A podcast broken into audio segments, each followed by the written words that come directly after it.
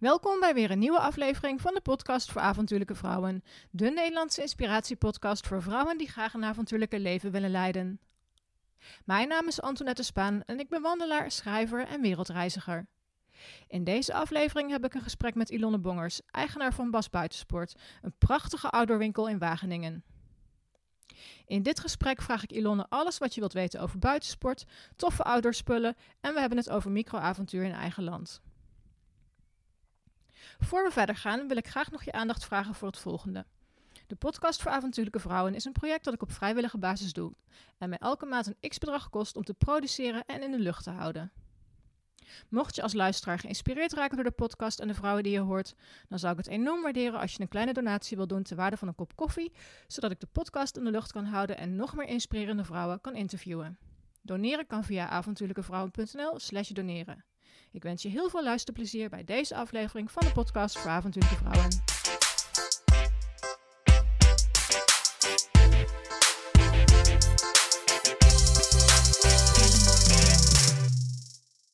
Ilonne, van harte welkom in de podcast voor avontuurlijke vrouwen. Uh, een hele speciale avond, want het is de eerste opname die ik doe uh, sinds het coronavirus. Maar wij houden ons netjes aan de regels. We zitten op uh, volgens mij wel 2, 2,5 meter afstand van elkaar. Uh, in Wageningen dus. En mijn eerste vraag aan jou is: wie ben je en wat doe je? Ja, hi, welkom.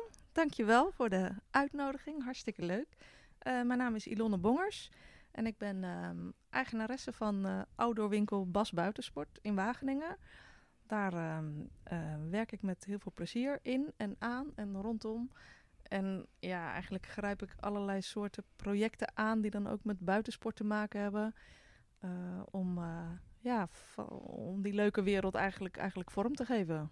Ja, en ik, ik sta even heel even snel ook meteen terug te denken. Hoe zijn wij met elkaar in aanraking gekomen? Want ik was hier twee maanden geleden ongeveer voor het eerst um, om uh, wandelsokken te kopen.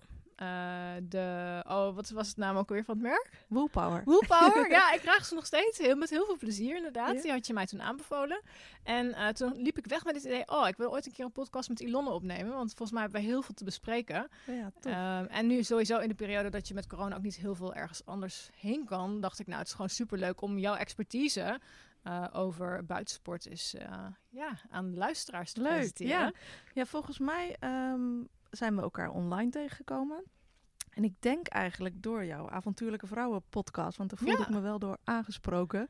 Dus die ben ik al een tijdje gaan volgen. En ik denk dat we toen een keer, ja, via wat berichtjes of zo, volgens mij ja. was dat uh, de connectie. Connectie gemaakt ja. hebben. Ja, we kennen ook volgens mij veel gezamenlijke mensen. Je kent Shanna en Wanda. Die zijn ook allebei in de podcast geweest. Dus, ja, uh, het is een kleine, kleine wereld. Kleine wereld. Avontuurlijke vrouwen. ja, um, hoe ben je Bas Buitensport begonnen? Uh, ja, dit bedrijf is van mijn uh, moeder geweest. Ze heeft dat uh, meer dan 25 jaar geleden opgezet. en op een gegeven moment gaf ze aan dat ze ermee wilde stoppen. En um, ik ben opgeleid als goudsmid en metaalrestaurator. Oh. En um, ja, toen wilde ze mee stoppen. En toen had ik wel zoiets. Ik heb hier vroeger als student, student in de winkel gewerkt. En toen dacht ik echt, ja, als die winkel dicht is, dat ga je gewoon nooit meer open doen. en toen ben ik eigenlijk een beetje 50-50 gaan werken. Deels in de winkel en deels uh, mijn werk als restaurator. Mm -hmm. En ja, ik merkte eigenlijk heel snel dat ik die winkel gewoon super leuk vond. Leuk om te doen. Um, dus ja, dat heb ik langzaamaan mijn andere carrière gedag gezegd. En ben ik met de winkel verder gegaan. En toen heb ik een paar jaartjes uh, bij haar in dienst gewerkt. En toen op een gegeven moment was voor haar ook wel fijn om afscheid van te nemen, afstand van te doen. En toen heb ik het overgenomen. En um, ja, dat is nu, ik denk dat ik nu al zo'n 16 jaar hier uh, wow. mee bezig ben. Ja. ja, nou deze de vraag die mij nu te binnen schiet, die staat niet op de lijst, maar dat gebeurt bij mij heel vaak dat ik denk, oh, dat wil ik weten. Um, wat is er de afgelopen 16 jaar veranderd in de buitensport? Is er, um, zijn er wezenlijke ja. dingen veranderd überhaupt? Nou ja, er is natuurlijk uh, sowieso in het, uh, in het hele manier van aankopen. Daar is echt ja. veel veranderd. Ja. Dat op een gegeven moment dat online er heel erg is bijgekomen. Uh, ik ken nog echt de tijden dat je, ja, iedereen die in Wageningen op vakantie ging, die kwam ongeveer uit bij Bas Buitensport. En op een gegeven moment, uh, uh, ja, de, de Bever kwam dichterbij, de filialen, maar ook gewoon de internetshopping. Ik denk dat dat wel echt de grootste verandering is. Ja. en enerzijds is het natuurlijk een bedreiging voor je bedrijf. maar anderzijds is het internet natuurlijk een supermooi medium om je klanten te bereiken. Waar je vroeger nog heel erg in de krant moest gaan staan of, uh, Ja. of via mond-op-mond reclame. Ja, is dat weer een super mooie kans die erbij gekomen is. Die ook, eh, ja, waar ik graag gebruik van maak. Ja, hey, en ehm, waar, komt, of waar, waar komt de naam Bas Buitensport vandaan?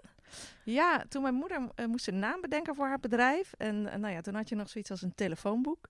Ja? Eh, ik ging dat laatst aan mijn kinderen uitleggen. En toen hadden ze echt zoiets van, wauw, dat is echt vet onhandig, een telefoonboek. Ja, inderdaad. dat vond ik ja. heel grappig. Maar het was een beetje de truc. Ze wilde heel graag voor de bever in het telefoonboek komen.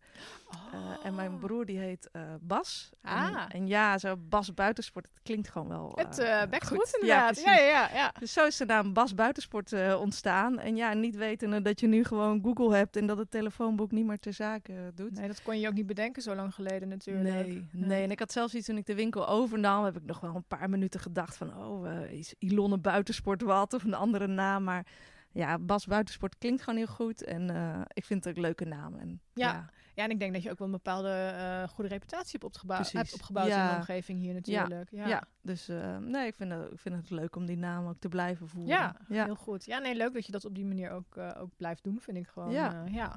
Ehm, waar, waar sta jij voor als Bart, zo Bart Buitensport, moet mij, moet mij horen. Ik heb, dat, dat- ik heb dus gewoon vijf weken lang al bijna met niemand contact gehad. Dus ik en mijn vriend en, eh, en dingen online. Dus eh, sorry als ik me Ja. verspreek. Ehm, ik, zit, ik zit in een winkel, in ehm, een hele knusse, gezellige winkel. Ehm, waar, waar, waar sta jij voor als bar? eh, ga ik het weer? Oh jeetje. Bart Buitensport. Bart ik weet niet waarom ik dat heb. Waar staan jullie voor? Of waar Ja. jij? Want jij doet de winkel in je eentje trouwens, toch? Ja, ik doe het in mijn eentje. Ik heb wel wat studenten die soms werken als ik elders ben. Maar in principe is het echt mijn, mijn, mijn business. Ehm, ik kies heel bewust voor eh, lichtgewicht artikelen. Mhm. En ik noem het wel eens het huis, tuin en keuken kamperen. Dus je zult hier geen dingen vinden met stijgijzers of als je de Himalaya wil eh, Oh ja, ja, beklimmen. ja, ja. Het gaat echt om het, eh, om het wat kleinschalige kamperen, lichtgewicht. En wat ik belangrijk vind is ook eh, duurzaamheid. Als het even kan, en Ja. dat kan tegenwoordig gelukkig heel ja, goed, Ja. eh, kies ik voor een merk wat ehm, ja, ook oog heeft voor duurzaamheid. Mhm. En heel veel klanten vinden dat belangrijk. Ehm, maar soms zie je ook als klanten het niet belangrijk vinden, eh, maar ze kopen wel per ongeluk eigenlijk een duurzaam product. Vind ik dat toch mooi, omdat ik dan ja, op die manier eh, mijn steentje bij kan dragen Ja. eigenlijk. En waar staat duurzaamheid in jouw ogen voor? Ehm, ja, ik vind het mooi als dingen enerzijds lang meegaan. Mhm. Ehm, als een merk bijvoorbeeld de mogelijkheid biedt om, om eh, artikelen goed te repareren. Of dat ze losse onderdelen verkopen. Dat vind Ja. ik bijvoorbeeld belangrijk, dat je niet alles hoeft weg te gooien. Maar ook dat ze transparant zijn, hoe het, hoe het gemaakt is, hoe Mhm. de hele keten in elkaar zit.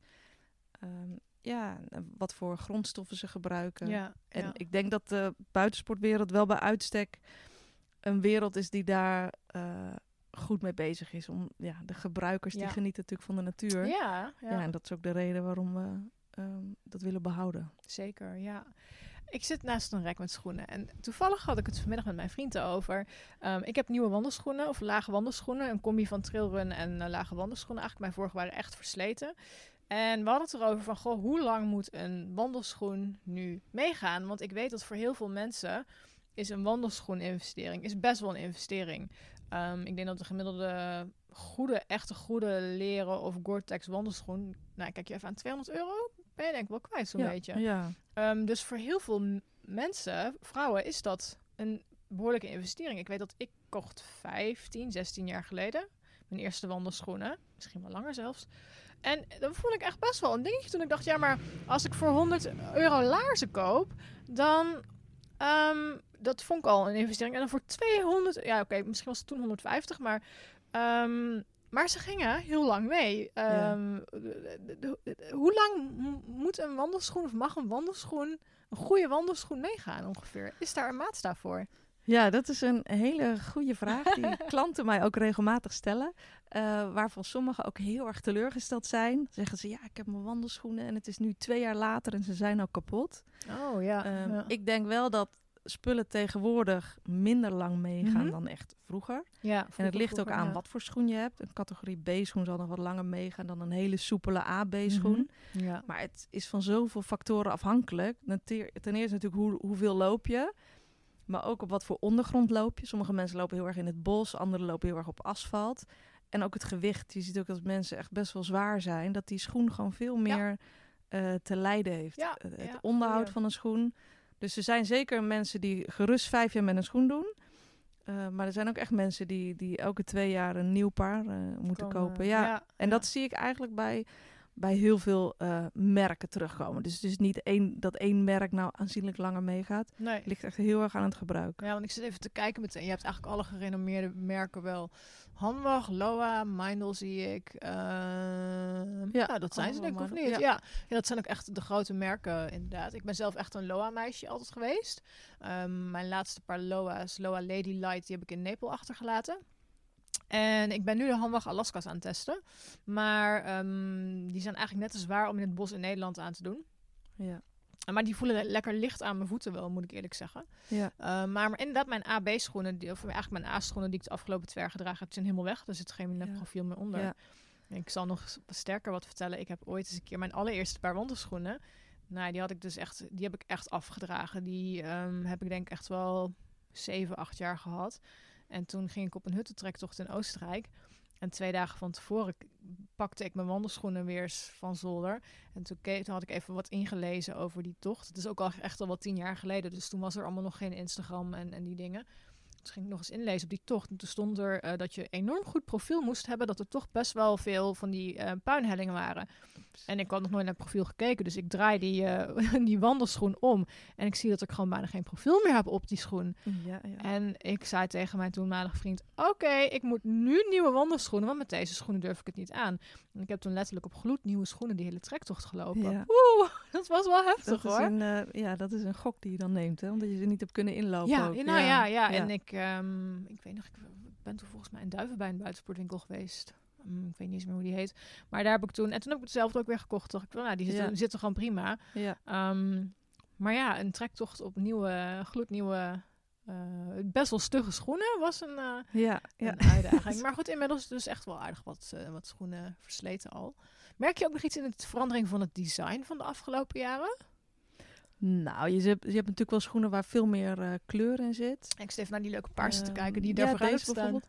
Ehm, alleen, ik moet zeggen dat, nou ja, dat kan misschien ook heel erg aan Wageningen liggen. Hier vinden we dingetjes die goed zijn, is al helemaal prima. Ja, Het hoeft allemaal niet super hip. Ik kan me voorstellen dat een, een, een- de, de dames beverwinkels of zo ehm, echt wel meer kleur verkopen. Ja. Maar het is niet iets wat ik zelf inkoop. Ik, ehm, ja, gaat echt meer voor de, voor de, de klassieke. eh, ja, en de pasvorm is gewoon hartstikke Ja, belangrijk. en je zo, ziet ja. wel echt wel een trend dat gewoon eh, wandelschoenen, dat veel meer mensen echt een lichtere wandelschoen willen. Ja, Dat hele zware, nou ja, dat merk je zelf ook. Je loop je in het bos met je zware schoenen. Nee, het hoeft meer. eigenlijk niet. nee, nee. En veel meer mensen zijn nu bezig met lichtgewicht. En ja, elke halve kilo die je meesleept, Ja, ja, ja. dat telt behoorlijk aan. Dus dat eigenlijk, eh, vroeger verkochten we nog wel eh, C-schoenen en Mhm. B-C-schoenen. Maar dat, dat heb ik er nu ook uitgedaan. Ja, Omdat je, ah ja, wat je aanbiedt, daar moet je ook wel een beetje keuze in hebben. En ja, er wordt gewoon te weinig gekocht in mijn winkel dan. Ja. Oké. Ehm, en ehm, ik zit even te denken over de... Ja, want je hebt de BC, eh, je hebt ook nog de D-schoenen. Ja, ik weet Ja. dat die gaan volgens mij echt 100 jaar mee, want die gebruik je misschien Ja, één keer per jaar eh, inderdaad. Maar inderdaad, in het begin van mijn wandelperiode, carrière, ik weet niet hoe ik het moet noemen. Carrière. Maar liep ik inderdaad met mijn, eh, met mijn eh, B-schoenen eh, gewoon ja, aan het trainen voor de Vierdaagse en zo. Ja, Dat ik nu achteraf ja. denk van, hoe dan? Maar ja, Ja. ik had toen niet het idee van, laat ik nog lichte wandelschoenen kopen. Maar je ziet tegenwoordig al steeds meer mensen inderdaad op gewoon A, Ja. eh, A-schoenen die je Ja. ook voor, voor rennen of zo kan gebruiken. Ja, en dat gaat ook eigenlijk hartstikke goed. Ja, ja ik, ik, ik zelf altijd, ehm, als ik de postbank of zo opga, denk ik ook, ja, daar heb je echt geen hoge wandelschoenen voor nodig. Precies. Ik Ja. hoor- Ik hoor nog wel eens van dames, ik weet niet of je dat ook vaak hoort, ja, maar ik heb zwakke enkels. ja. Ja, maar juist als je ze altijd inpakt, dan, dan kun je je enkels ook nergens tegen, ehm, eh, hoe noem je dat? Ehm, eh, tegen eh, niet weerbaar maken eigenlijk, Ja. als het ware.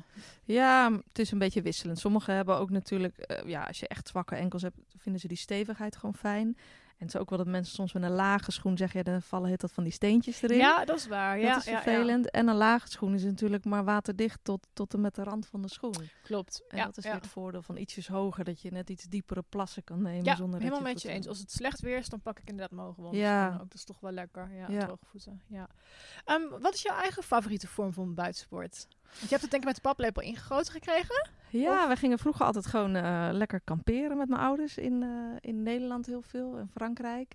Eh, dat kamperen doe ik nog steeds. Maar wat ik zelf wel heel erg leuk vind, is gewoon met mijn hangmatje een nachtje in het, in het bos ergens op een natuurkampeerterrein of zo slapen. Daar hou ik heel erg van. Maar voor mij is outdoor, ja, ik probeer het heel erg te combineren met mijn dagelijks leven. Eh, dus een beetje daar gewoon in te stoppen, niet te wachten tot ik een hele week vrij heb, maar... eh, eh, ik, ik sta regelmatig ook gewoon om zes uur op en dan ga ik de zonsopkomst kijken. Neem ik een kopje koffie mee. En dat is voor mij ook outdoor. Gewoon het zijn in de, in de natuur. En dan ja, ook heel erg dicht bij huis juist. Dat Ja, vind je ik fijn. Ja, je bent echt een buitenmens dus. Ja, Ehm. maar ik vind het ook leuk om het juist gewoon, gewoon echt toe te passen in, in mijn dagelijks leven. En Ja, ja helemaal Eh, mee eens hoor. Ja, ja, ja, dat ja. vind, ik, ehm, vind ik mooi. Heb je al in de tuin gekampeerd? Nee. Heb je een nee. tuin? Ja, ik heb een tuin. ja, maar ik wil dan heel graag in mijn hangmat slapen. En ik probeerde, ik heb twee kinderen, die zijn 8 en 11. En ik probeerde hun al een beetje enthousiast te maken. Maar zij willen eigenlijk heel graag alleen in de tent. Want in de hangmat vinden ze dan een beetje spannend. Ja. Eh, en ja, het is er nog niet van gekomen. Maar ik denk als de corona lang genoeg duurt, dan gaan we vanzelf toch maar de tent opzetten. En misschien dat ik dan eh, nou ja, in de voortent een stukje naar buiten schrijf of zo. Want ik vind juist eh, heel erg het slapen echt in de buitenlucht. Ja, ja. Ja, dat vind ik heel fijn. Dat je echt de koude wind langs je gezicht voelt. Ja, ja. Nou, toevallig hebben wij afgelopen week ons nieuwe tentje, de MSR Hubba Hubba, hebben we getest. Eh, of getest, eh, voor het eerst opgezet. Ehm, mijn vriend wilde hem al heel lang. Hebben wij zelfs nog even contact over gehad. En uiteindelijk heeft hij hem echt ergens voor een koopje op de kop kunnen tikken. Dat ik zei van, nou, moeten we dat wel doen? Want we hebben nog twee tenten. Nee, ik wil deze per se hebben.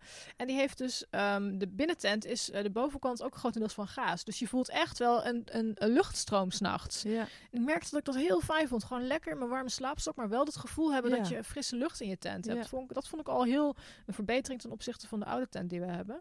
Eh, ik heb nog nooit in een hangmat geslapen, moet ik eerlijk zeggen. Moet ik eens een keer gaan doen misschien. ja, ik vind, dat, eh, ik vind dat echt leuk om te doen. Kan, kan ja. dat en nee? Zijn er faciliteiten voor? Of als je, want je zegt ik ga naar een natuurcamping, eh, eh, dan hang je hem gewoon tussen twee bomen of zo. ja, precies. ja. En soms ook op een paalkampeercamping. Ja. Ja, je, het kan, maar zolang je bomen hebt natuurlijk. ja, precies. Ja, En ja, wat ik wel belangrijk vind met, met hangmat is dat je een boomvriendelijke straps gebruikt. Dat zijn iets bredere straps, zodat je de boom niet beschadigt. Ja, maar het kan zeker, ja. Je moet altijd een beetje rekening houden met warmte, want een hangmat is van zichzelf een beetje koud. Dus je moet daar wel eh, of iets onder hangen of iets in doen, want anders heb je een hele koude nacht. ja, dan word je ook. Ja, want dan leg je er dan nog iets eh, ter bescherming eh, of isolatie. ja, je kunt er een isolatiematje in doen. Of Oh je ja, ziet ja. ook tegenwoordig heel veel hangmats en doen er eigenlijk een soort ja, undergilt, een soort, soort slaapzakje hang je dan aan de onderkant, waardoor je ook Oh, ja. isolatie hebt. Ja, goeie. Ja. Ik zit erover na te denken. Lijkt me best wel een keer leuk. Hm, want ik woon natuurlijk midden in het bos, dus waarom niet ook? Ja, ik denk dan altijd van, ja, dan hang, hang ik daar. Of lig ik daar en er staat er ineens een boswachter naast me of zo. Ja, maar goed, dat is, daarom is het, ik doe dat zelf alleen maar op legale plekken. Ja, Want precies. je, ja. ja, je mag natuurlijk niet een nachtje in het bos eh, gaan slapen. Nee, zo, maar je mag niet kamperen, maar Nee. ja, met een hangmat ook niet. Maar er zijn genoeg plekken die, zoals een paalkampeercamping, ja, dan zit je ook eh, in het, eh, het in, het- kan. in het bos. Ja. Ehm, heb je tips voor beginnende buitensporters? Want je, je merkt wel dat het steeds meer een opkomst is. Buiten zijn en terug naar de natuur. Ehm, heb jij... Ja, je kan natuurlijk... Voor mij kunnen we het uren over tips hebben. Maar als iemand nou hier in de winkel komt en zegt... Ja, ik wil eh, gaan kamperen of naar buiten. Of, of heb, jij, heb je dingen die je dan standaard meegeeft? Ja, ik zou bijvoorbeeld wel zeggen, kijk gewoon eens wat er in de buurt is. Eh, Mhm. eh, en ja, pak gewoon je stadsfiets, eh, ga een stuk fietsen en, en met je tent achterop. Het hoeft allemaal niet. Je hoeft niet gelijk een hele supersonische uitrusting te hebben of een, of een mountainbike met goede packs erop of zo. Je kunt ook heel eenvoudig gewoon lekker naar buiten gaan. Nou ja, paalkamperen, ik weet niet of je het zelf wel eens hebt ja, gedaan. ja, ja. Dat is natuurlijk een goedkope, simpele manier ook. Heel toegankelijk, waar je in het bos kan staan. En ehm, ja, natuurkampeerterreinen. Ik, ik denk als mensen simpel willen beginnen, zou ik voor Nederland kiezen. Want, Kijken of je ja. het leuk vindt. Ja, precies. Ja, en dan kun je ook een beetje ontdekken. Ja, vind je dat kamperen echt leuk? Of ben je meer een fietser? Of wil je alleen wandelen en wil je misschien eh, ja, liever in een joert overnachten? Wat bijvoorbeeld ook hartstikke leuk is. Eh, ja, er zijn natuurlijk volop mogelijkheden voor. Ja. ja, ik denk als je eenmaal gaat eh, bedenken wat er allemaal kan, dat er gewoon heel veel is. Ja. Ehm, Hetzelfde met wandelpaden. Ik heb laatst een paar keer een klompenpad gelopen. Nou, tot een jaar geleden wist ik niet eens dat er klompenpaden Ja, waren. En ja. dan loop je bijvoorbeeld hier bij Doorwerd op de stuurwal. Nou, daar lopen zoveel wandelpaden en routes. Ja. En dat ik echt dacht van, nou ja, hier kan je volgens mij al een half jaar wandelen zonder alle paadjes eh, gehad te hebben. Ja, en wat ik ook wel eens heb gedaan, is dat ik eh, twee klompenpaden aan elkaar knoopte. En dan halverwege ook een nachtje dan met Oh ja, mijn hangmat op mijn terreintje Leuk. slapen. Ja, Ja. ik vond het een super tof avontuur. En dat is eigenlijk zo simpel. En Ja. dat vind ik wel leuk om mensen daar ook voor te inspireren. Want het is natuurlijk hartstikke mooi om op vakantie te gaan naar het buitenland. Maar eh, ja, hier in de buurt is echt eh, ook, ook veel natuurbeleving te creëren. Ja, wij wonen natuurlijk op mooiste, een van de mooiste stukjes van Nederland. Ja. dat verwend hier, op de. Veluwe.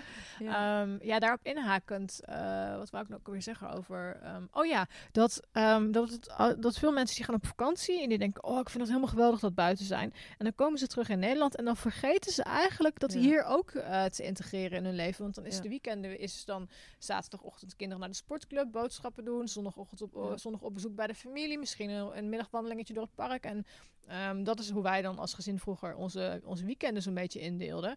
Terwijl hier in, in Nederland kun je natuurlijk ook gewoon prima dat buitengevoel Ja, vast blijven absoluut. houden. Als, Ja. je, als je maar wilt en er moeite voor Ja. doet. Nou ja, en ik denk alleen al als je gewoon een keer eh, opzoekt hoe laat komt de zon op. En eh, je, je gaat tegen die tijd op een plekje staan waar je weet dat je hem goed kan zien. Ja, dat is ook al hartstikke leuk. Dan ben je even helemaal uit je, uit je ritme. Ja, Eh, ja. En, en heb je toch heel erg die connectie met de natuur. Ja, klopt. Ja, ik heb vorige week, nee, twee weken geleden, met een vriendin eh, sunrise yoga gedaan. Oh, We doen allebei een 30 dagen yoga challenge. Ehm, en ze had het idee van, goh, kunnen we niet een keer bij de zonsopkomst, eh, of ja, net iets daarna, dat de grond al wel verwarmd werd een beetje.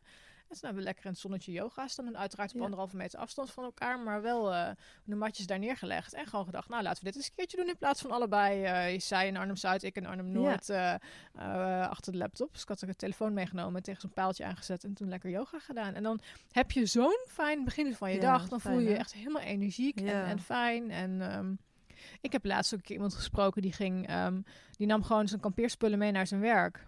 En eh, eh, die, eh, die fietste naar zijn werk met de kampeerspullen achter op de fiets. En die ging gewoon zijn werk doen. Eh, op de camping staan. En de dag voor dag daarna gewoon weer naar zijn werk. Ja. ja, ik heb dat zelf ook wel eens gedaan. Dus dat noemen ze eigenlijk ook een micro-adventure, wat je gewoon in je dagelijkse Ja. leven toepast. Maar wat ik zelf wel merkte, en dan ging ik ook na mijn werk en dan 's s'nachts in het bos slapen, dat ik, ik vind het fantastisch om in mijn hangmat te slapen, maar ik slaap wel eh, gewoon wat minder Ja, goed. Ja. Dus de volgende dag ben je op je werk en dan ben je echt wel een beetje brak. Maar dan heb je nog steeds een fantastisch avontuur eh, eh, gehad. Maar voor de productiviteit is het dan tijdelijk even wat minder. Nee, komt het niet te goede inderdaad. Nee, ik geloof zelfs dat er in Alaska een man is geweest die heeft dat een jaar lang volgehouden. Gewoon elke Knap. nacht kamperen en dan weer naar zijn werk gaan. Dat Ja. ik echt denk, wow, dat is wel... eh, Ja, leuk. Nou ja, het is, wel- weet je, uiteindelijk went het ook. Het vaak dat zo'n eerste nachtje dat je even moet wennen aan nieuwe geluiden. Klopt, ja, is waar. Ja. Wat is jouw eh, ultieme buitensportproduct die je iedereen kan aanbevelen? Waarvan je echt denkt dat zou eigenlijk, eigenlijk iedereen moeten hebben? Ehm, wat iedereen moet hebben, ja, dan zou ik toch eh, heel erg kiezen voor een, een, een t-shirt van Merino Wool. Mm, ja, goeie. Ik weet niet of je dat zelf hebt of gebruikt. Ja, ik heb een hemd van, eh van IJsbreker. Ja, Eh, nou, die heb ik geloof ik echt al wel tien jaar. En die kan Ja. ik, die is zo lang dat ik hem eh, gewoon helemaal in mijn broek kan stoppen. Dat als ik buk bijvoorbeeld, dat ik niet zo'n open ruggetje krijg. Ehm, nou ja, vertel maar waarom iedereen iets van merino wool zou moeten hebben. ja dat, het is een heel mooi materiaal. Wat heel fijn is dat het heel goed ademt. Het zit heel erg lekker. En het houdt je eigenlijk warm als het koud is en koel als het warm is. En wat ook heel fijn is, zeker ook van een t-shirt of zo, het gaat ook niet eh, stinken. Nee, dus als je ja. op reis bent, je hebt eigenlijk maar één shirt nodig en dan ben je gewoon klaar. Het, het enige nadeel is dat het dat ehm, een redelijke prijs zit aan zo'n Ja. artikel. Voor een t-shirtje ben je al gauw van een beetje goed merk al gauw eh, ja, 60 euro kwijt. Maar het gaat tien jaar mee. Het gaat tien jaar mee. Precies, Ja, en ja, het is een heel mooi natuurlijk product, biologisch afbreekbaar. Ja. Dus het wordt tegenwoordig alleen maar ehm, belangrijker met alle microplastics die in, de, Mhm. ja. in de wasmachine de natuur ingaan. Ehm, ja, en ik merk ook echt de klant in mijn winkel dat als ze eenmaal een zo'n zo'n zo'n wollen product hebben, ja, dat ze echt eh daaraan verslingerd raken. Ja. Ja, ik, eh, ja, ik ben echt van de ijsbrekerproducten. Eh, of tenminste, daar heb ik een tijd heel, heel veel van gekocht. Ik kocht het altijd bij een fabrieksuitverkoop. Dan was oh, het echt... kijk, ja. eh, nou ja, dat ja. soort dingen. nou ja, dan had je het voor de helft van de prijs of zo. Maar dat, dat, dat hemd wat ik heb, dat gaat elke trektocht mee. Dat is ook meteen de- altijd de basislaag. Ik slaap erin, ik leef erin. En daaroverheen doe ik dan afhankelijk van wat voor weer het is... of een wollen shirt met lange mouwen of een vliestrui. Maar ik heb altijd laagjes. Maar ja, je, als je in de berghut of in je tent aankomt... dan kun je hem uittrekken, kun je hem te drogen hangen als je gezweet hebt. En s'nachts gaat hij gewoon weer aan om je lekker warm te houden. Ja, goed hè. Dus. Ik, ja, ik ben het helemaal met je eens. Dit zou echt elke vrouw eh, moeten hebben. En Ja. ook gewoon echt van een goed merk. Dus, Ja. Want het, het ehm, dat, ja, eh, wol kan nogal jeuken. Eh, ik krijg vaak de vraag van, goh, maar jeukt dat dan niet? Ik heb daar helemaal geen last van. Bijna niet. Ik- Kijk, merino wol is een hele zachte wolsoort. En ja, ik denk dat een paar procent van de dames er misschien niet tegen kan. Ja, Maar ja, het zal eigenlijk is het het vooral tussen de oren. En meestal gaat het gewoon goed. En wat ik ook wel eens doe in mijn winkel, dat ik wel eens tegen mensen zeg van, nou weet je, anders koop je het gewoon. Doe je het een avondje aan als je op de bank zit. Als je helemaal gillend gek van wordt, dan breng je het gewoon Breng je het terug. gewoon terug, het maar proberen. ja, Ja, er is er nooit iemand mee teruggekomen. nee, nee, het gaat lang en het gaat lang mee. En het stinkt, het stinkt inderdaad niet. Dat Stinkt niet, het is heel fijn. En Oh, ook als je fijn. bijvoorbeeld, eh, ja, als je iets, het- iets spannends moet doen voor je werk of een presentatie of zo. Er zijn ook heel veel dames die dan heel graag een icebreaker shirtje aantrekken, zodat je het zweet ook niet Nee. ruikt en zo. Het is Ja. echt een, en dat is ook wat ik terugkrijg van klanten. Van, oh, dat shirtje wat je me hebt verkocht, ik ben er zo blij mee en het zit zo lekker. En ja, dat kun je eigenlijk ook in je dagelijks leven gebruiken Mhm. en tijdens je reizen. Dus dat vind ik ook wat mooi. Je koopt één duur shirt, maar je kunt hem eigenlijk eh, veel vaker aan. Ja. ja, en als ik hem dan terugreken, eh, dat shirt voor mij was ook inderdaad iets van 50 euro, maar gaat al 10 jaar mee. Dan heb ik voor Precies, 5 ja. euro per jaar heb ik het beste shirt ooit. Ja. Een beetje hetzelfde als met wandelschoenen. Ik krijg heel vaak de vraag van, ja, maar wandelschoenen, ja, dus het is een dure aankoop, maar als jij er vijf jaar mee doet, betekent dat je voor 40 euro per jaar lekkere, warme, Precies. droge voeten hebt. En Ja. dat is eigenlijk helemaal niet zo heel veel geld als je het Ja. terugrekent. Ja. Maar ik snap dat als je in- eerste instantie moet aftikken, dat je denkt, Ja. maar ja, het is het echt wel waard. Ehm, daar even op doorgaand. ehm, waar moeten vrouwen op letten bij het aanschaffen van spullen? Eh, en dan met name, ehm, ik krijg best veel vragen op mijn blog, wie want to travel, over outdoor spullen. Omdat ik zelf ook veel producten test en reviews maak. Van waar moet ik nou in investeren en waar niet? Ik vind zelf dat als je een beginnende buitensporter bent, dat je niet meteen voor ho- honderden euro's aan spullen hoeft te kopen. Ga eerst maar eens kijken van, goh, vind je het leuk? En Ja. dan kun je een collectie opbouwen. Ik zeg zelf altijd van, begin met een paar goede schoenen, een goede regenjas en een goede rugzak. Ehm, heb je daar nog aanvullingen op? Of heb jij tips voor vrouwen die die producten voor het eerst gaan kopen? Nou, kijk, die drie producten die je noemt, die zijn eh, heel... eh, ja, dat zijn echt de basics. Die heeft iedereen nodig. Ja. Als je er nog een vierde product aan toe wil voegen, dan zou dat zijn een softshell, naar mijn idee. Mhm. Omdat je softshell ademt nog wat beter dan een regenjas. Ook al is het nog zo'n goede ademende regenjas. En juist op, op droge dagen, ja, dan kan een softshell heel comfortabel zijn. Kan softshell, even onderbrekend, kan een softshell ook een regenjas zijn? Nou, er zijn er heel weinig. Ik- Bijna geen één die echt waterdicht is. Wel heel goed waterafstotend. Ja. Soms zeggen mensen, oh, maar mijn softshell is waterdicht. Ja, maar dan heb, is je, was de regenbui niet hard genoeg. Want Ja. hij, is, hij is niet 100% waterdicht. Bijna. Goed om te weten, want ik heb er namelijk volgens mij één. Bij mij gaat meteen alarm. Ik denk volgens mij heb ik er één. Maar inderdaad, die heb ik nog nooit echt in een enorme hoosbui aangehad. Nee, Dus, maar dat is eh, ook niet ja. de bedoeling. Het is echt een jasje die, eh, Ja. als het wel een beetje waait. En Ja. vooral op de fiets bijvoorbeeld. Ja, Of als je op het strand loopt, is dat heel fijn. En het ademt gewoon echt beter dan je, dan je regenjas. Ja. Dus ehm, ja, wa- waar mensen op moeten letten. Nou, natuurlijk, ehm, eh, goedkoop is duurkoop, is mijn idee. Mm. En ja, wat met schoenen heel erg belangrijk is, is als het vanaf dag één niet lekker zit. Ja, dan, dan zit het op de volgende honderd dagen ook niet lekker. Nee, ja. ja. Terwijl je toch ook van mensen vaak hoort van... Ja, wandelschoenen horen niet lekker te zitten. Of wandelschoenen moet je inlopen. Maar jij zegt Nou, dus echt heel stellig van... Ja, als het niet lekker zit, is het gewoon niet goed Nou eigenlijk. ja, tegenwoordig die schoenen die zo eh, licht en soepel zijn, Mhm. ja, die hoef je bijna niet in te lopen. Nee, En ik krijg ook wel veel klanten die zeggen, oh ja, dan komen ze binnen voor wandelschoenen en ik heb er geen verstand van. Zeg, nou, dat geeft helemaal niet. Ga lekker zitten, we gaan gewoon passen en je moet vooral heel goed naar jezelf luisteren. En als mensen zeggen van ja, deze knelt een beetje, dan weet ik al, ja, dat is niet de goede schoen. Want anders zouden ze zeggen, oh, dit sluit lekker aan. Ja. En tussen dat soort dingen, daar zit eigenlijk heel subtiel eh, verschil bij iets, of het wel of niet bij je past. Ja. Nou, ik zit even terug te denken. Ik heb namelijk ooit naar de Vierdaagse gelopen. En speciaal daarvoor uiteindelijk andere wandelschoenen gekocht. Maar die bleek uiteindelijk nog aan de kleine kant te zijn. Ehm, en toen heb ik echt enorm veel blaren gelopen. Dus sindsdien raad ik mensen ook vaak aan. ehm, als je nieuwe wandelschoenen koopt, draag ze gewoon een dag thuis eerst. Laat het kaartje Ja. erin zitten. Ja. En ga gewoon kijken wat wandelschoenen aan het einde van de dag doen. Want Ja. vaak is het zo dat je voeten aan het einde van de dag groter zijn. Eh, of uitgezet, opgezet, hoe noem je dat? Ehm, Groter zijn. opgezet. Ehm, maar dat heb je met lopen natuurlijk ook. En ik denk dat je ook pas goed echt kan oordelen of, ze, of het jouw goede schoenen zijn. Als je, eh, ja, als het wat zwaardere schoenen zijn, als je ze een dag gedragen hebt. Maar dan inderdaad Ja, gewoon wat- binnen. Ja, en wat heel belangrijk is dat je de schoen sowieso een maat groter koopt dan je gewone schoenmaat. ja. En dat je ze gewoon past met dikke wandelsokken. Want dat is uiteindelijk wat je er eh, wel in moet kunnen dragen. Mhm. Ja, te kleine schoenen, daar, eh, daar Wordt wordt niemand, niemand blij van. blij van. En Nee. je, dus je moet goed op de, op de breedte letten. Ja, en de lengte moet goed zijn. En een dagje in huis dragen. Er zijn eigenlijk alle buitensportwinkels die dat ook gewoon als service eh, bieden. Zolang zo'n schoenen nog ongedragen uitziet, kun je ze gewoon weer terugbrengen. Ja, ja. En qua eh, regenjassen. ehm, want ik, ik, ik vind zelf altijd van ja, je kan.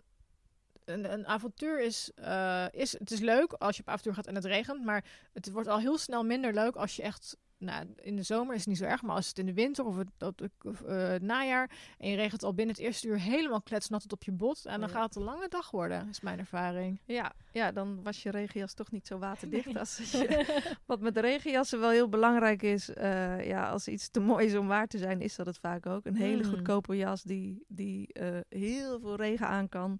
Ja, dat is best wel lastig te vinden. Of je moet echt een goede aanbieding vinden. Wat wel belangrijk is, is het onderhoud. Want de jas die is waterdicht van zichzelf, maar die heeft ook aan de buitenkant ja, een beetje een, een wa- waterafstotend laagje. En wat je vaak ziet is dat mensen hun jas helemaal niet onderhouden. En dat laagje verdwijnt, en waardoor die buitenstof ja, eigenlijk helemaal zich volzuigt met water. En dan gaat zo'n jas ook eh, lekken. Dus Ja. voor een jas is onderhoud belangrijk. Ehm, ja, en dat je de goede jas koopt voor de goede activiteit. Als jij een jas koopt die niet gemaakt is voor rugzakgebruik, eh, dus, dus niet, niet stevig genoeg, ja, dan gaat hij daar ook gewoon lekken. Ja, heb je En dan heeft die jas eigenlijk, ja. kan daar eigenlijk niks aan doen. Dan heb je gewoon een verkeerde jas gekocht. Ja, dus als iemand hier naar jouw winkel komt en die zegt ik wil een regenjas, dan ga je eerst Ja. vragen waar ga je hem voor gebruiken. Ja, wat ga je ermee doen? Ja, Ja. dat is heel belangrijk. Als iemand zegt ik wil een trektocht gaan maken.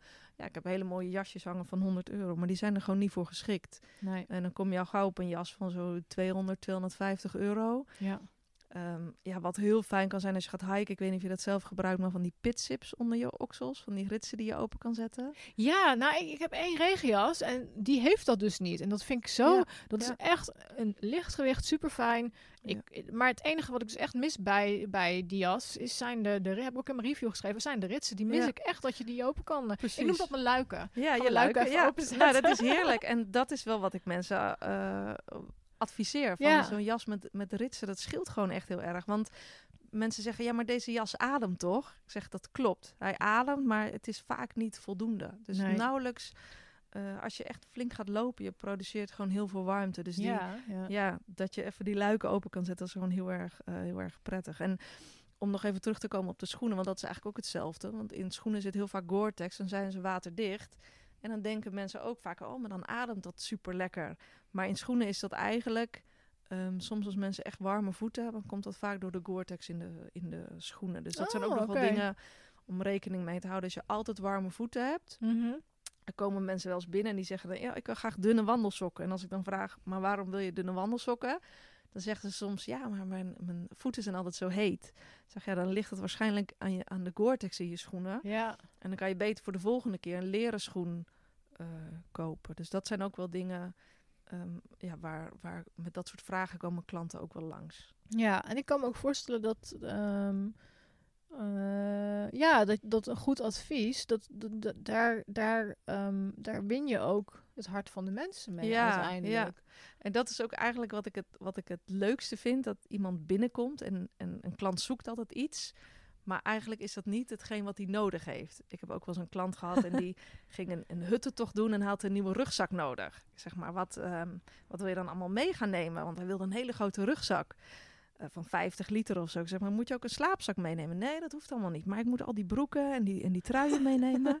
Zeg maar, en ik wist toevallig dat ik die klant een jaar daarvoor een 34 liter rugzak had verkocht. Dus ik zei, maar die rode rugzak die je bij mij hebt gekocht, die is 34 liter, die is perfect. Zeg, wat jij, jij hebt geen nieuwe rugzak nodig. Jij hebt een lichtgewicht broek nodig en een icebreaker t-shirt. Dus hij kwam binnen voor die rugzak en hij is uiteindelijk met een hele fijne broek en een shirt vertrokken. En daar is hij helemaal blij mee. Dus het is ook leuk als hij dan terugkomt. Dan, eh, ja, dan vertelt hij ook van, oh, dat was een fijn shirt en Ja. die broek. En die heeft gewoon lekker met zijn eigen rugzak die toch kunnen doen. En dat vind ik wel echt het leukste. Dat je eerlijk aan een klant vraagt van, maar, maar wat ga je doen? Eh, ja, en dan kun je met zo iemand meedenken Mhm. en, en het juiste product eh, ja, samen kiezen. Ja, Ehm, ik zit even te denken. Wat is jouw eh, favoriete merk qua outdoor kleding? Heb je echt zoiets van, als daar de nieuwe producten van komen, dan wil ik dat... Ja, ik kan me voorstellen, als je hier in de winkel werkt, dan wil je natuurlijk alles hebben. Maar Ja. waarvan je zelf, jezelf ook toestaat van, oh, dat vind ik wel fijn, dat wil ik hebben. Dat, dat koop ik gewoon voor mezelf. Ehm, Ja, mogen het ook twee zijn? ja, voor mij wel. ja, dat is enerzijds is gewoon icebreaker. Mhm. Merino wollen kleding. Dat is echt als die collectie uitkomt, dat is voor mij dat ik echt naar de snoepwinkel ga. Ehm, en wat ik ook een heel mooi merk vind is Vaudet. Dat is een Oh Duits ja. merk.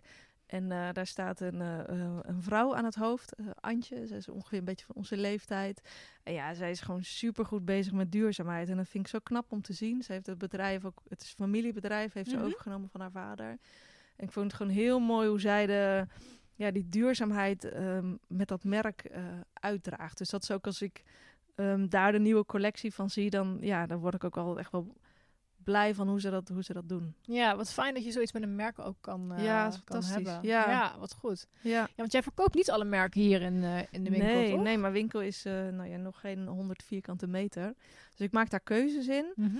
Eh, en er zijn heel veel mensen die vinden het dan heerlijk. Die komen dan een broek kopen en zeggen ze... Oh, wat fijn, je hebt eigenlijk maar twee afritsbroeken waar ik uit kan kiezen. En ehm, ja, dat, dat is eigenlijk ook wat ik natuurlijk het liefste wil. Dat ik Mhm. een soort scan maak tussen alle merken. En heel veel dingen lijken ook op elkaar. Dus, dus dan kies ik gewoon ja, een, van de, een van de producten uit die gewoon echt helemaal prima zijn. Ja. ja, en dat bied je dan je klant Mhm. als, eh, als keus. En Ja. ik heb ook wel zelf dat ik naar de zwerfkei ga in Woerden bijvoorbeeld. Ja, fantastische winkel. Hebben ze mega veel keus. Ik Ja. vind het heel erg leuk om rond te lopen. Maar als ik dan weer in mijn eigen winkel ben met ehm, weinig spulletjes, ja, word ik daar toch wel heel blij van. Dat, past eigenlijk gewoon beter, eh, beter bij mij. Ja, en volgens mij is gewoon ook alles een beetje, eh, als ik zo rondkijk, handpicked. Jij kiest echt bewust van dat ga ik verkopen, dat Ja. ga ik verkopen. ehm, en dat, dat, dat durf je ook met vertrouwen aan, aan jouw klanten verkopen dan. Ja, absoluut. Maar dan is het ook wel zo dat, dat ik heel veel dingen zelf test. Het is echt heel gênant hoe vaak ik in mijn hoofd heb... oh, dit heb ik zelf ook. Soms zeg ik het niet, dan denk ik... ja, dat is heel ongeloofwaardig als je nu weer tegen die klant gaat zeggen... ik heb hem zelf ook. Maar het is wel zo dat ik Ja. heel veel dingen gewoon test... omdat ik dat echt belangrijk vind. En ja, als ik ergens niet in geloof, krijg ik het ook helemaal niet verkocht. En dan Nee. kan zo'n leverancier tegen me zeggen... ja, maar het loopt overal hartstikke goed. Zeg ja, maar ik, vind, ik zou het zelf niet eens gebruiken. Nee, nee, En ja, dan kan ik het gewoon niet goed verkopen. nee, helemaal mee eens. Ja. Nou, dat geldt voor mijn blog hetzelfde. Alle producten die op mijn blog staan, heb ik allemaal zelf getest. Ik heb laatst Ja. zelfs een paar wandelsokken bij de HEMA besteld. Gewoon puur omdat ik dacht, nou, ik wil een budget variant. Volgens ik heb onderzocht van, oké, er wordt heel veel gegoogeld op eh, wandelsokken HEMA. Toen dacht ik, nou ja, dan vind ik in ieder geval, als ik erover ga schrijven, ik heb een wandelsokken test gedaan, ehm, vind ik dat ik in ieder geval die sokken getest moet hebben. Ja. Ehm, ja, ik was er niet eh, uitermate tevreden over. Maar dan weet ik wel van, oké, als ik dat dan schrijf, dan heb ik het wel getest. En dan kan ik een budgetoptie aanbieden. Ja, weet je, het zijn niet de beste wandelsokken. Ja. Ehm, maar ja, dat is inderdaad goedkoop is duurkoop. Ja, wat je straks ook al zei, van nou ja, een aantal dingen moet je gewoon goed hebben. Wandelsokken trouwens ook wel eigenlijk hoor. ja, wandelsok is ook wel echt een basis waar ik niet Ja. op zou bezuinigen. Dat kunnen mensen soms ook wel onderschatten. Ja, Eh, ja, en het is natuurlijk wel een, ook hoe, hoe lang gaan ze mee is natuurlijk nog belangrijk. Misschien dat een wandelsok van de HEMA ook best wel een tijdje prima zou zijn. Maar ja ik... ehm, ik heb ze eh, zelf eigenlijk nooit getest, moet ik eerlijk zeggen. Nee, nou, het- ik, ik vind ze vooral fijn voor in huis. Ja, ik denk ja. van, oh, Ja. ze zitten lekker. Ik heb gewoon altijd in plaats van katoenen sokken. Dit, dit zijn gewoon lekkere comfy sokken voor in huis. Maar Ehm, als ik morgen, morgen ga ik weer op pad en dan ga ik gewoon weer lekker eh, mijn wollen sokken aantrekken. Je woolpower. Ja. Ja, leuk. Zijn die Ja. er trouwens in een lage variant of niet? Want dat vind, ik, dat vind ik het jammer aan wollen sokken. Dat ze er eigenlijk Nee. weinig in van die laag van die enkelsokken zijn. Ja. Omdat ik, ik loop veel in een korte broeken en in leggings en zo. Ik zie Nou, achter mij kijken. Ja, ik ben even aan het kijken. Kunnen we zo wel even kijken. Als kan ik je te plekke Het is altijd leuk. verkopen. Ja. Maar ehm, ja, die zijn er wel, maar niet zoveel inderdaad. Meestal Nee. is het allemaal wel iets hoger. ja, klopt. Ja, ik heb van, ook voor in mijn laagwandelsokken van die, eh, van die hardloopsokjes heb ik erin. Ja, van, zijn natuurlijk wat dunner. Ja, die, dat vind ik ook wel heel fijn hoor. Soms, want ik echt, als het echt hartje zomer en warm is, dan merk Ja. ik al wel heel snel dat mijn voeten uitzetten en dat mijn schoenen in één keer niet meer helemaal lekker zitten. Ja. Kan het trouwens ook, eh, ik weet niet of jij hier verstand van hebt, maar dat is iets wat me ineens te binnen schiet. Dat, eh, dat, je in, dat je voeten ook aan wandelschoenen wennen. En Want vroeger was ik heel kieskeurig met wandelschoenen. En tegenwoordig, als ik iets opgestuurd krijg, dan zit het bijna altijd goed. Eh, Is er zoiets van de voeten gaan zich vormen naar wandelschoenen? Of is dat gewoon iets wat ik me in mijn hoofd heb gehaald? Mm, Nee, ik denk dat je gewoon heel blij bent met wat je krijgt. of misschien is het eh, de goede maat, of je bent minder kieskeurig, kan ook. Of wat ook gewoon heel erg helpt als je goede wandelsokken aan hebt die wat dikker zijn. Mhm. Daar vergissen mensen zich soms ook in, want je hebt je een beetje een buffer in die schoen, waardoor die schoen echt lekkerder zit. Dus het kan ook zijn dat je vroeger altijd dunne sokken erin deed, Ja, waardoor je precies, elk ja. regeltje en randje voelt.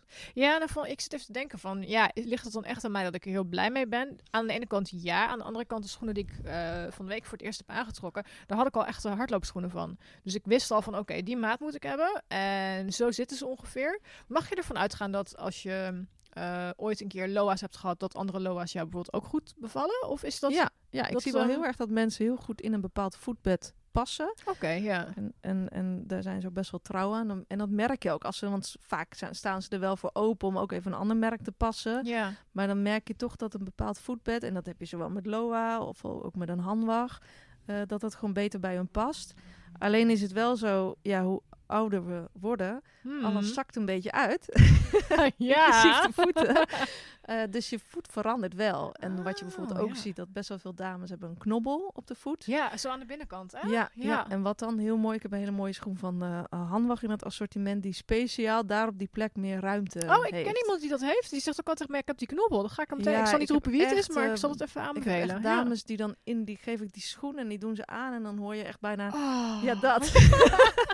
Ja, en dat vind ik wel heel erg mooi. En dat doet de handwag heel goed. Die maakt gewoon verschillende leesten, echt een beetje bij de, bij de type voet. Maar je moet dat natuurlijk wel weten. Er komen ook wel eens mensen binnen die zeggen, oh, ik heb echt een hele brede voet.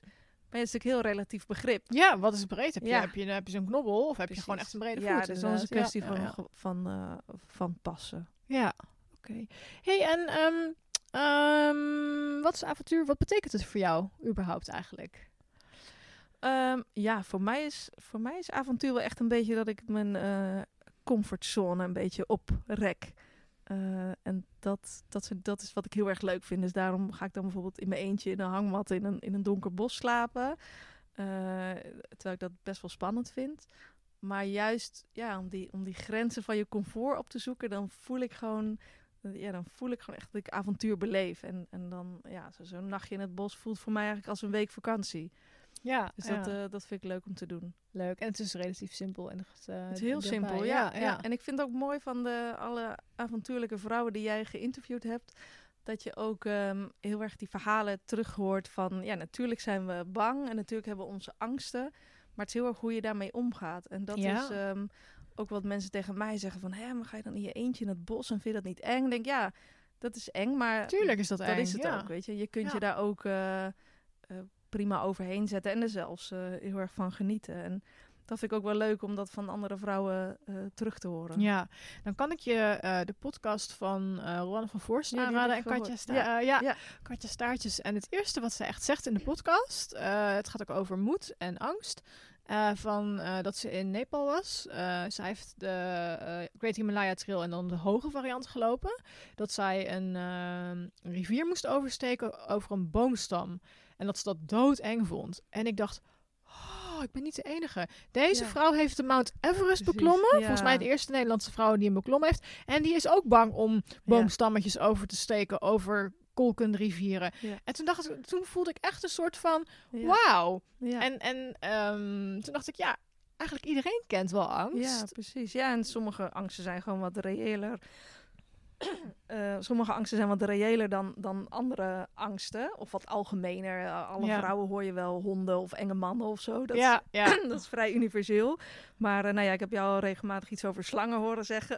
ja, vanmorgen in het bos. Had je hem gezien op Instagram? ja, ik zeg hem. de Ja, hazel, ja, het was een hazelworm, maar als ik dat zie glibberen in de verte, dan, denk ik, oh god, daar ligt er eentje. Maar ja, het is niet, dat het houdt me niet tegen om in Nee, het en bos dat te vind ik heel mooi. Van, je, hebt die, je hebt die angst, je plaatst het ergens, maar het houdt je niet tegen. En ehm, ja, dat vind ik gewoon leuk aan, aan avontuur. Dat je het gewoon toch doet. En die comfortzone, ik merk wel, eh, dat, is, dat is voor mij wat ik eh, leuk vind. En ehm, wat is jouw grootste avontuur ooit? Ja, dat is echt eh, de- de- mijn, mijn eerste paalkampeeravontuur in mijn hangmat. Want ik had heel lang als het te twijfelen van, eh, ik wil dat heel graag. En zou ik iemand meevragen? Maar iedereen had zoiets van, ja, dat ga ik echt niet doen. en toen dacht ik, ja, ik ga ook gewoon in mijn eentje. Vind ik hartstikke leuk. Maar daar hebben we best wel lang over nagedacht. En uiteindelijk ben ik dan eh, gegaan. Ja, en ik vond het gewoon super spannend. En ik lag daar s'nachts in mijn hangmat. En op een gegeven moment eh, werd ik wakker. omdat ik iets tegen mijn hangmat aanvoelde duwen. En ik heb, eh, ik heb eh, een lens in, maar die had ik natuurlijk uit. Dus ik, ik zag ook gewoon helemaal niks. Dus dan lig je dus helemaal in het donker. En dan voel je iets. En je weet gewoon niet, ja, is het een wild zwijn of een hert? Of staat er dan toch, staat er dan toch iemand? En Ja. ja, dat, dat vond ik echt eh, heel erg spannend. Wat was het? Ja, dat weet ik dus niet, want ik heb het niet Oh. gezien. Dus ik heb geen Oh. idee. Maar ik ben uiteindelijk gewoon toch weer in slaap gevallen Oh, met joh. heel veel moeite. Ja. Ja, en dan word je 's ochtends wakker en dan die vogeltjes en dan het koffiemomentje weer in het bos. Ja. Daar word ik helemaal gelukkig van. Maar dat, ja, dat was, eh, moest ik mezelf zo overwinnen. Ook omdat het avontuur, ja, het was gewoon super simpel. Ik ging me gewoon op mijn stadsfiets naar zo'n naar zo'n paalkampeer Ja. camping en ik ging dat doen. Ehm, maar ja, daar zijn wat stappen voor nodig geweest om daar te komen. En ja, dat is eigenlijk nog steeds een van mijn leukste avonturen. Ja, Wat vinden jouw kinderen daarvan dat je doet? Zeggen die van, mam, je bent hartstikke gek. Ehm, nou, die zeggen altijd, nou mam, veel plezier. ja, ze, ja ze, soms zijn ze dan wel een beetje ongerust of zo, maar ze vinden het dan ook wel weer eh, cool. En ze vragen, oh, was het leuk in het bos? En ja, soms als ik op plekjes ben geweest waar ik kampvuur heb ge, eh, eh, kunnen maken, dan Mhm. hebben ze altijd zoiets, nou, als ik dan weer thuis ben, ja, ga eerst maar even douchen, Ja, want Stinkt. je stinkt. Naar rook, ja. Dus, ja. Even iets wat ik niet op de lijst had staan. Jij organiseert ook je eigen evenementen, geloof ik, toch? ja, ja, Kun je daar ja, iets dat over vind ik ook leuk. Juist om mensen die, eh, die ook graag avontuur willen beleven op een vrij eenvoudige manier. Eh, ik doe bijvoorbeeld een, eh, een winterkampeerweekend Mhm. vaak. Ja, die heb ik gezien op Insta Ja, dit jaar. Hartstikke leuk. En eh, ehm, ja, dat weet ik ook nog wel. Dat ik de eerste keer dat ik ging winterkamperen vond ik super spannend. ja. En ja, ik vind het heel erg leuk als je mensen die ervaring kunt bieden. Ja. Eh, ik organiseer wat wandelingen. En ik heb ook wel eens een keer een Think Outside the Tent gedaan. Oh. moesten mensen eigenlijk eh, ja, slapen zonder hun tent. Mm. Dus of op de grond of met een hangmat of Ja. dat soort dingen. Eh, ja, dat vind ik leuk om te doen. En het geeft ook een leuke binding met, de met de klant. Je Ja. ontmoet elkaar Ja. op een andere manier. En kunnen alleen klanten zich voor jou daarop inschrijven? Of ook andere geïnteresseerden? Nee hoor, iedereen, iedereen mag zich voor inschrijven. Dus het zijn ook inderdaad eh, geen, geen klant, maar gewoon liefhebbers van de Van- buitensport. ja. Die op een of andere manier Bas Buitensport zijn tegengekomen. Dus er komen ook inderdaad zeker mensen ook buiten Wageningen. En eh, ja, dat vind ik, vind ik heel erg leuk. En ja, ook weer toch dat hele simpele, laagdrempelige outdoor. Ja. eh, om dat met elkaar te kunnen beleven, dat vind ik heel erg mooi. ja, leuk. Ja, ik zag iets... Afgelopen winter hebben jullie eh spooncarving gedaan of zo? Ja, ja, ja. Ja, vet is gaaf om dat zelf een keer te doen. Echt, volgende keer ga ik mee. Ja, Was, volgens mij kwamen wij net, elkaar, net daarna met elkaar in aan, kunnen, aanraking. ja. Dat dacht ik echt al van, oh, dat had ik echt super vet gevonden. ja, en ik heb bijvoorbeeld nu ook dat ik, eh, ik heb die setjes eh, van dat hout bewerken, heb ik natuurlijk allemaal liggen. Dus nu heb ik ook Oh, mijn ja. klanten aangeboden dat ze zo'n setje kunnen lenen. Dus er wordt ook heel leuk eh, oh, wat op gereageerd. En dan kunnen ze een beltje en een mesje kunnen ze dan gewoon lenen. Ja, En er was er weer een andere Instagrammer die had dat berichtje gezien en die kwam deze week verse hout brengen. Want eh, ja, om een lepel te maken Ja. heb je natuurlijk hout nodig. ja. Oh, wat cool. Dus dat is heel ja. erg leuk dat je zo met elkaar die hobby kunt delen. Ja, wat leuk. Ja, nee, in, nou ja, ik zit er echt over na te denken. Van, we hebben ook heel veel hout in de tuin liggen. Want onze, we hebben vier dennenbomen laten kappen. Ja. Dus nou, misschien ga ik je straks wel vragen om eh, te kijken Ja, hoe ik mijn eigen spoen kan gaan carven Ja, dit leuk. weekend. Ik heb er niet zoveel te doen. Want ja, we Het is kunnen heel leuk eh, om te doen. En ik zeg eigenlijk altijd lelijke labels bestaan niet. Nee, het moet functioneel zijn, En, toch? eh, en het, is gewoon heel, het geeft een heel leuk gevoel als je je eigen lepel eh, gemaakt heb. Dat ik word acuut enthousiast. ja, Ja, leuk. leuk. Ehm, even kijken, wat heb ik nog meer eh, op de lijst staan? Heb je nog een avontuur waar je van droomt? Ehm, nou, ik zou nog wel heel graag willen sneeuwwandelen. Dat lijkt me heel Mhm. erg leuk. Eh, ja, het zijn eigenlijk wel echt een beetje de avonturen in de kou. En dan zou je dan ook echt willen sneeuw met van die schoenen eronder? Ja, of ja, met ik leuk spikies of zo? ja, eh, nee, of echt met van die tennisrackets eronder. Ja, van die sneeuwschoenen. Ja, van die klappers. Ja, eh, dat zou ik ja. leuk vinden. Leuk. En heb je nog tips voor ja, goedkope avonturen of voor vrouwen die een, wat, een klein budget hebben? Ehm, iets waarvan je denkt, nou, dat moeten jullie gaan doen of dat moeten jullie weten over eh, buitensportmaterialen? Nou ja, wat, wat een hele goede ehm, manier is om goedkoper een outdoor te doen, is toch echt tweedehands kopen. Zeker als je goede buitensportmerken, die kunnen echt prima een aantal rondes meegaan. Mhm. Ehm, en ik denk dat, dat als je tweedehands spullen aanschaft, ja, dat je daar eigenlijk voor een prikkie een mooie eh, uitzet eh, kunt kopen. Ja, en dan zou ik nogmaals gewoon lekker in Nederland op pad gaan.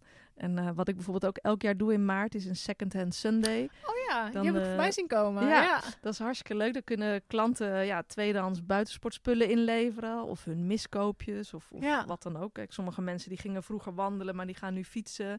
Ja. Of die hebben hun ehm, uitrusting wat geupgrade. En dan komen ze die spullen inleveren. En andere mensen komen dat weer kopen. En dat is echt zo leuk om te zien dat... Ja, waar mensen dan ook weer blij van worden. Ja, Eh, ja. Van de spullen die bij een ander eigenlijk maar liggen te liggen. En ja, je hebt natuurlijk ook marktplaats. Ik denk dat dat soort eh, plekken echt super geschikt zijn om ja, echt wat goedkoper op pad te gaan. Het hoeft niet allemaal heel duur te zijn. Nee, dat is ook zo. Ja, en je hoeft ook niet meteen als je denkt, ja, als je het budget hebt, dan gewoon lekker doen. Maar ja, ik kan me voorstellen dat als, nou ja, een fatsoenlijk paar schoenen kost 200 euro, een rugzak is Ja. 100 euro en een regio is 200 euro, is 500 euro. Hartstikke voor iets geld, wat je ja. nog helemaal niet weet of je dat leuk gaat vinden. Is Precies. best een Ja. investering Ja. inderdaad. Ja, ja, ja. ja, dus ik krijg ook wel eens mensen in de winkel, die hebben dan zo'n heel lijstje van een reisbureau. Ja, daar ga ik Oh, ook ja. altijd kritisch met hun naar kijken. Van ja, wat heb je echt nodig en wat heb je misschien thuis nog liggen? Of kan je van een vriendin Precies, lenen of lenen, zo. Ja, ja. ja. ja, Ehm, werk jij zo? Verkoop jij rugzakken of niet? Ja, ik zie er een paar hangen inderdaad. Ja, ik heb wat grote en, en vooral natuurlijk de, de D-packs. Ja, en ik vroeg me af ehm, of jij dat ook merkt, dat mensen tegenwoordig bijna niet meer met bijvoorbeeld een 70 liter of zo op pad Ja. gaan. Dat het allemaal steeds compacter en kleiner Ja. wordt. Wat is jouw eh, Ja. visie daarop? Ja, merk ik zelf ook dat die rugzakken minder verkopen. Mhm. Ehm, ik denk enerzijds misschien dat mensen toch meer, eh, ja, bijvoorbeeld van, van hutje naar hutje gaan. Dan heb Mhm. je natuurlijk, je te- als je je tent al niet hoeft mee te nemen, Ja. eh, dan heb je natuurlijk ook aanzienlijk minder ruimte nodig. Ehm, ja, en de spullen worden wel li- veel lichter van gewicht. Dus het Ja. kan ook zijn dat al die mensen toch hun spullen in een 40 liter rugzak eh, weten Ja. te proppen. Ja. Ja, ik zit even terug te denken. Ehm, vorig jaar hebben wij Koengsleden gelopen, twee trajecten. Afgelopen zomer Valadalen in Zweden allebei. En dan hadden we voor vijf dagen eten bij ons. Of vijf, ja, vier, ja, vijf dagen lopen, vier nachten eh, avondeten. En dan snacks en ontbijt en zo. En dat gaat bij mij in een 40 liter. Ik heb dan niet Ja. de tent, mijn vriend heeft dan de tent. Ehm, en hij heeft een 50 liter. Ja, De? Atmos AG50 van Osprey. Ook Ja. heel bewust voor gekozen om het zo klein mogelijk te houden. Ehm, want ik vind die van 70 liter vind ik zo groot en zo lomp. Ja. Ik denk, wow. En ik heb ook het idee, hoe groter die is, hoe makkelijker je hem volstopt. Het is niet echt meer nodig. Ook met de kleren Ja. van tegenwoordig, Ja. de kleding. Ehm, ja, Ja, dat is, dat is zeker wat je zegt. Als zodra je ruimte hebt, dan ga je dat toch nog even volstoppen, volproppen. Ja. En dat hoeft Ja. eigenlijk niet. En ik denk dat mensen zich veel meer bewust zijn van... Ja, alle, al- elke gram die je Ja. meeneemt, dat telt gewoon. En ik gebruik mijn extra grammen liever voor ehm, wat extra eten. Want dan gaat het gewoon op. Dan is het denk ik van, oh, ik heb nu, oh, ik heb vandaag echt zo'n roldag. Of het lukt niet. Of ik heb pijn. Oh, ik heb extra stukje chocolade. Daar word ik blijer van dan Ja. een extra trui of zo. Want ja, je kunt, iedereen stinkt op een gegeven moment toch wel Ja, eh, zo'n ja. beetje. En eh, ja, je kunt ook maar, het is niet nodig om drie verschillende broeken mee te nemen. Nee, precies. Dus, Dus daar heb je niks aan. ehm, wat gaat er altijd mee in jouw rugzak? Ehm, ja, wat ik eigenlijk toch wel heel erg fijn vind, is mijn koffiemomentje in de ochtend. Hmm. Dus wat bij mij altijd meegaat, is een, eh, is, is een molentje, eh, verse bonen. Oh, je En gaat hem ook eh, echt vers Ja, malen? ik ga echt helemaal voor. Oh. Dat vind ik helemaal fantastisch. Daar kan ik mij dan s'nachts wel helemaal op verheugen.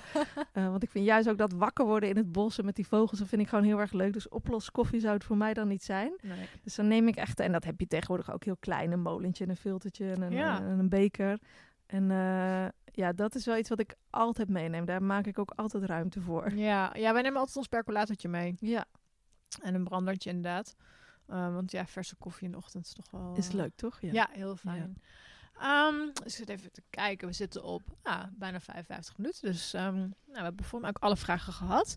Ehm, we hadden nog een leuke winactie bedacht voor de luisteraars. Ja, Ehm, jij wilt daarvoor iets beschikbaar stellen. Misschien kun je ook even iets eh, vertellen over ehm, een van de prijzen waar ik nu naar wijs. ja. En eh, dan even vertellen.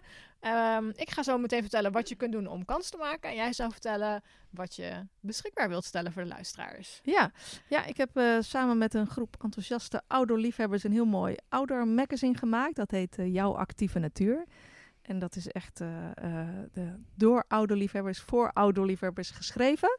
Dus daar gaan we er drie van eh, weggeven. En nou ja, een van de favoriete koffiebekers die ik altijd meeneem, die wil ik daar ook heel graag bij doen. Zodat iedereen ook echt lekker in de natuur met zijn magazine en zijn kopje koffie daarvan kan genieten. Leuk. En ehm, nou, wil jij daar kans op maken? Denk je van yes, daar, eh, daar wil ik er eh, een set van winnen? Dan eh, vragen wij jou om een foto te maken van jezelf al luisterende naar deze podcast. Die te plaatsen in je Instagram stories. En mij, avontuurlijke vrouwen en Ilonne Bas Buitensport te taggen. ehm, in je Instagram stories en onze accounts te volgen. En wij zullen dan eh, de winnaars eh, via de DM uiteindelijk bekendmaken van deze actie. Dus zorg voor een leuke originele foto, zou, zouden we zeggen. Ja, hartstikke leuk. Heb ik ben heel erg eh, benieuwd. Ja, Volgens ja mij super klopt die tof. zo, hè? Ja, we hadden ja, het echt net bedacht, of wel, we hadden wel bedacht van we gaan wat doen. Maar net even besproken van oké, zo gaan we het aanpakken. Ja, dus geen leuk. ingewikkelde dingen, gewoon een leuke foto op je Instagram stories met onze hashtags, onze mentions. En jij luisteren naar onze podcast. Leuk. Ben benieuwd naar alle avontuurlijke vrouwen. Ja, we gaan het afwachten. Leuk. Ik zal sowieso ook even zorgen dat er een leuke foto eh, op Insta eh, Instagram komt van eh, wat mensen kunnen winnen. Dat ze ook een idee daarvan hebben. Ja. Ehm, even denken. Heb jij verder nog iets wat je wil vertellen of kwijt wil? Ben ik iets vergeten? Mm, Nee, volgens mij heb je wel het meeste... Ja, hebben we wel het meeste besproken. Leuk. Ja, volgens mij zouden we nog wel uren door kunnen kletsen over... Ja, dat krijg je als je met de outdoor bezig bent. Ja, dat is echt... Ik weet de eerste keer dat ik hier was, hebben we ook gewoon bijna een uur te kletsen Ja, volgens mij. Ja, ja. En nu ook alweer, eh, nou laat was ik hier? Ja, zeven uur. Het is nu kwart voor negen. Dus eh, kun je nagaan. Leuk. Ehm, nou, dan wil ik je bij deze bedanken dat ik Ja. hier mocht zijn vanavond. Jij bedankt leuk. voor je podcast en eh, ja, voor je super toffe inspiratie. Ik denk dat je echt een belangrijk platform hebt voor alle avontuurlijke vrouwen. Ik had zoiets nog niet eerder gezien in Nederland. Dus eh, ja, ik vind echt dat je goed werk levert. Leuk om te horen, dankjewel. Er komt ook nog van alles aan. Eh, mijn, eh, mijn brein maakt overuren nu met het coronavirus, nu ik er tijd voor heb.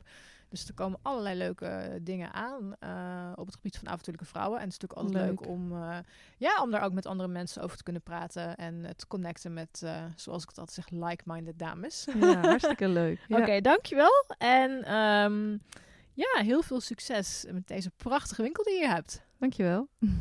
Hopelijk heb je genoten van deze podcast en hebben we je geïnspireerd om een avontuurlijke leven te leiden. Luister je deze podcast op iTunes, dan zou ik het tof vinden als je me 5 sterren waardering wilt geven. Wil je meer weten over mij of een van de gasten? Kijk dan op avontuurlijkevrouwen.nl en volg het Avontuurlijke Vrouwen account op Instagram. Ook is er de besloten Facebook community voor avontuurlijke vrouwen waar je kunt connecten met like-minded dames. Lid worden kan eenvoudig door een lidmaatschapsverzoek in te dienen. Voor nu bedankt voor het luisteren en graag weer tot de volgende keer.